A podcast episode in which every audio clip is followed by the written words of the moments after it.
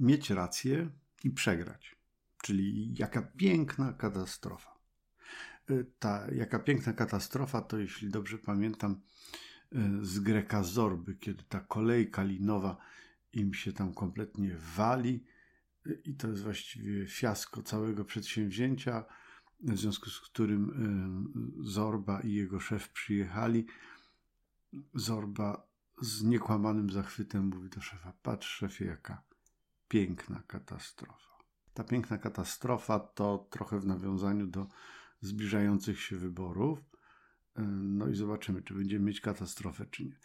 Słuchajcie, tak trochę enigmatycznie dzisiaj zacząłem. Będę enigmatycznie ciągnął. Czasami warto jest poczekać na upływ czasu. Rzecz, o której ja dzisiaj chciałem Wam powiedzieć, ona się zdarzyła niemal trzy tygodnie temu ale nadal jest aktualna i będzie aktualna jeszcze długo. Moim zdaniem jeszcze bardzo długo, bo to jest ba bardzo ważny, mm, fundamentalny właściwie problem. Czy mówić prawdę, czy kłamać? Czy może unikać mówienia prawdy? No i czemu pytam, czemu zadaję takie pytania z pozoru oczywiste etycznie? No bo idą wybory.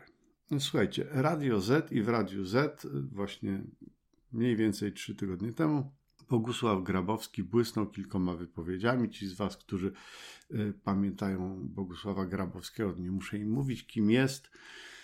Y, jak ktoś nie pamięta, to można sobie go wygooglować. Generalnie były członek y, Rady Polityki Pieniężnej. O tych wypowiedziach Bogusława Grabowskiego czas jakiś temu pisał profesor Dominiak w swoim mm, facebookowym felietonie. Ja Wam wrzucam link w komentarzu na YouTube, bo moim zdaniem warto przeczytać ten felieton generalnie warto czytać profesora Dominiaka. On zazwyczaj publikuje wtedy, kiedy ja swoje odcinki, to on swoje felietony w piątek, więc jak ja nudzę, to można sobie otworzyć y, Facebooka i przeczytać.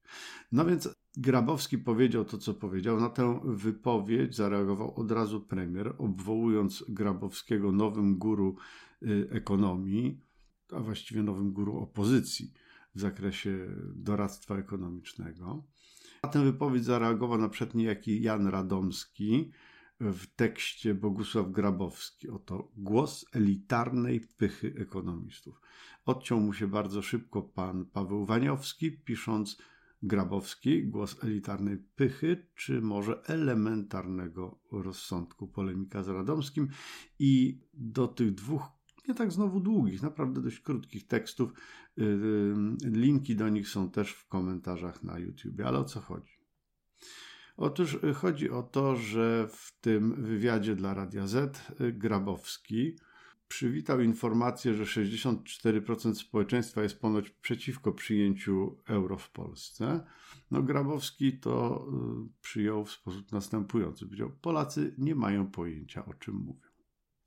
Opowiedział także o tym, jak jego zdaniem powinna być prowadzona polityka gospodarcza, a więc na przykład, że trzeba ograniczyć programy socjalne, na przykład wyłączyć najbogatszych z programu Rodzina 500, że trzeba wydłużyć wiek emerytalny, że trzeba prywatyzować także te kluczowe obszary państwa, firmy zbrojeniowe, energetyczne, infrastrukturę drogową, lotniczą, morską no, a zakończył y, takim mocnym akcentem, mówiąc, że jak PiS wygra kolejne wybory, to czeka nas druga Grecja. No i wokół właśnie tego rozpoczęła się rozpoczęła się dyskusja. Y, słuchajcie, duża część y, poglądów Grabowskiego to poglądy niegłupie. To poglądy niegłupie. No bo Oczywiście wszyscy prawie poczuli się dotknięci tekstem, że Polacy nie mają pojęcia o czym mówią, kiedy mówią o przyjęciu albo nieprzyjmowaniu waluty euro w Polsce.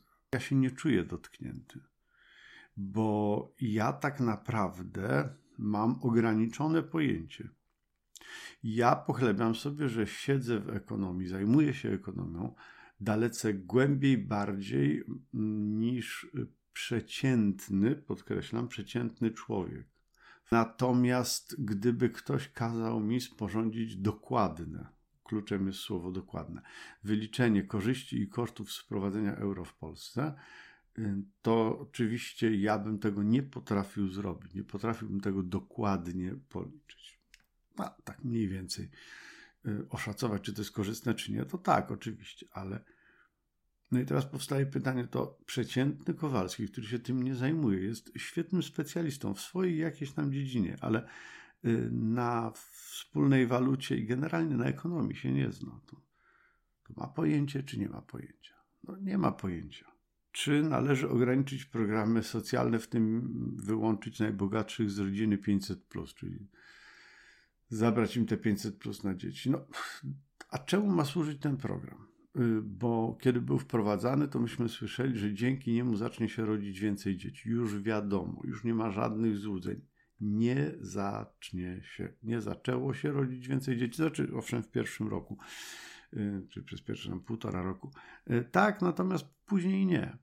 I wszyscy mądrzy eksperci, do których ja się bynajmniej nie zaliczam, mówili, no to jest taki chwilowy efekt, bo ludzie, którzy odkładali decyzję o posiadaniu dzieci na później, to teraz y, wprowadzono ten program, to skorzystajmy z niego, póki on jest.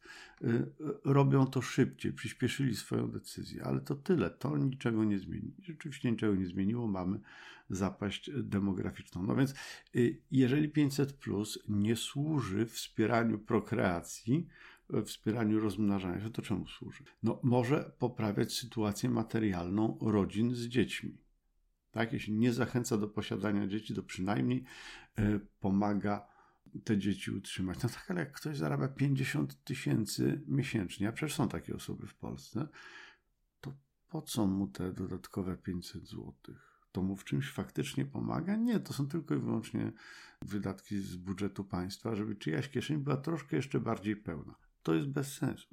W sposób oczywisty bez sensu. Wydłużenie wieku emerytalnego. No dokładnie to samo. Pamiętajcie, kiedy był wprowadzany wiek emerytalny przez Bismarcka y, na tym poziomie, na którym my go dzisiaj znamy, to oczekiwana długość życia była sporo niższa, czyli ludzie statystycznie rzecz ujmując nie dożywali swojej emerytury.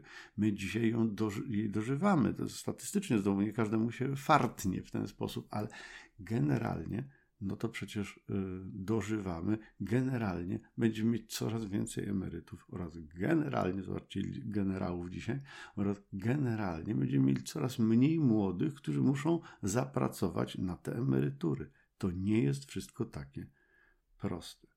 Grabowski nie gada tak strasznie głupio.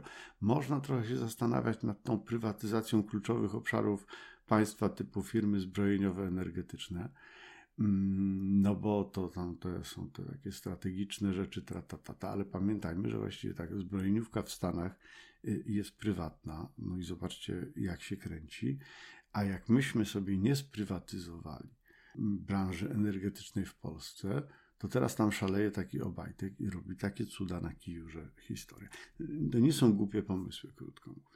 Pan Radomski pisze, słuszne decyzje podjęte wbrew opinii publicznej stają się niesłuszne. No to chyba jednak tak nie jest. On oczywiście pije do tego, że Platforma Obywatelska podniosła wiek emerytalny i w następstwie tego w dużej mierze podejrzewam, jednak przegrała wybory. I rzeczywiście PiS rządzi w znacznej mierze dzięki temu, że Platforma na finiszu swoich rządów podniosła wiek emerytalny, a to ludzi wkurzyło. To nie jest tak, że ta decyzja stała się niesłuszna, ale z drugiej jednak strony, no żeby rządzić, trzeba wygrać wybory. A żeby wygrać te wybory, to chyba jednak nie można mówić rzeczy, które mówi Grabowski. Nie można, bo elektorat ich nie lubi. I tu naprawdę zerknijcie w te dwie wypowiedzi.